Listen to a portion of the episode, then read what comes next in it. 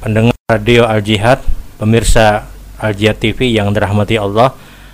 Kembali pada kesempatan hari ini insya Allah kita akan menjawab pertanyaan yang sudah dihadirkan. Assalamualaikum warahmatullahi wabarakatuh. Waalaikumsalam warahmatullahi wabarakatuh. Apakah yang dinamakan dengan sholat sunnah fajar? Benarkah sholat sunnah fajar dikerjakan sebelum melaksanakan rawatib subuh atau fardu subuhnya? Sunnah fajar adalah kesukaan Rasulullah untuk dikerjakan karena beliau lebih menyukai daripada dunia dan sisinya. Mohon penjelasannya. Salat sunnah fajar itu sama dengan salat sunnah qobliyah subuh. Tidak ada bedanya. Salat sunnah fajar itu sama dengan salat sunnah qobliyah subuh.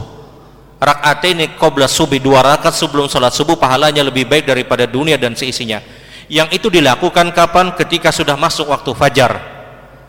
Jadi salat sunnah fajar itu sama salat sunnah qobliyah subuh yang pahalanya lebih baik daripada dunia dan seisinya.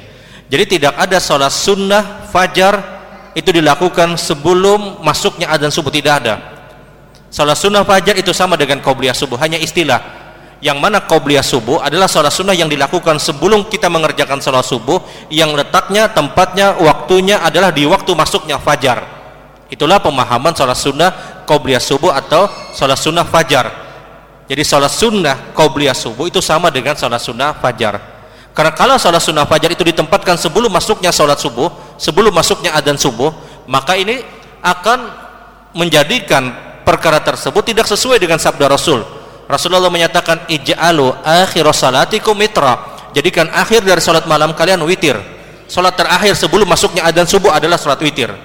Sholat terakhir sebelum masuknya adzan subuh adalah witir ketika kita bicara sholat tulel sholat malam. Tapi ketika orang itu masuk masjid misalnya setelah dia witir apakah boleh tahiyatul masjid? Hukumnya boleh.